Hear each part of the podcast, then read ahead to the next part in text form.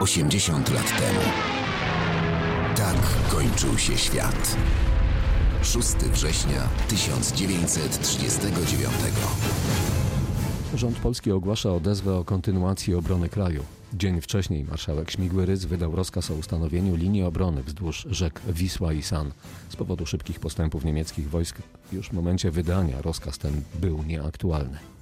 Wieczorem szef propagandy naczelnego dowództwa, podpułkownik Roman Umiastkowski, wezwał przez radio wszystkich mężczyzn zdolnych do noszenia broni, aby udali się na wschód.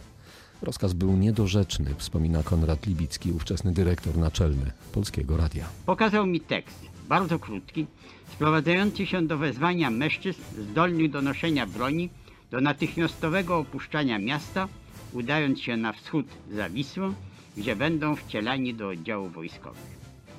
Oświadczyłem, że tego apelu przez radio ogłosić nie pozwolę. Dalej, że uważam go za szkodliwy, wywołujący zamieszanie i popłoch wśród ludności oraz utrudniający na drogach ruch wojsk. Umiastowski wybiegł, wołając, ja tu powrócę.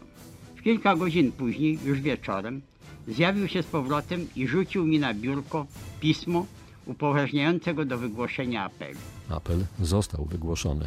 Osoby, które mu się podporządkowały, utknęły na drogach wśród tłumu cywilnych uciekinierów. Apel spowodował też panikę wśród pozostałych w Warszawie ludzi. Sugerował bowiem, że stolica zostanie oddana Niemcom bez walki. Oddziały niemieckie tymczasem wkroczyły do kolejnych polskich miejscowości, w tym m.in. do Jarocina, Nowego Sącza i Krakowa, który wcześniej został ogłoszony miastem otwartym. Nach ihrem Einzug in Krakau stellte die deutsche Wehrmacht eine Ehrenwache an der Gruft Pilsudskis. Gdy w Polsce trwały walki, na zachodzie toczyły się zmagania przez Niemców zwane wojną siedzącą, przez Francuzów dziwną wojną. 6 września Francuzi podjęli ograniczoną ofensywę w Zagłębiu Sary.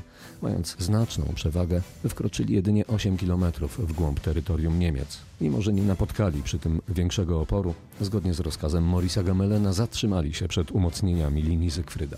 Euforię Polaków i nadzieję na otwarcie drugiego frontu wkrótce przygasiła decyzja Rady Najwyższych Sprzymierzonych. To na niej postanowiono, że Francja i Wielka Brytania nie udzielą Polsce realnej wojskowej pomocy.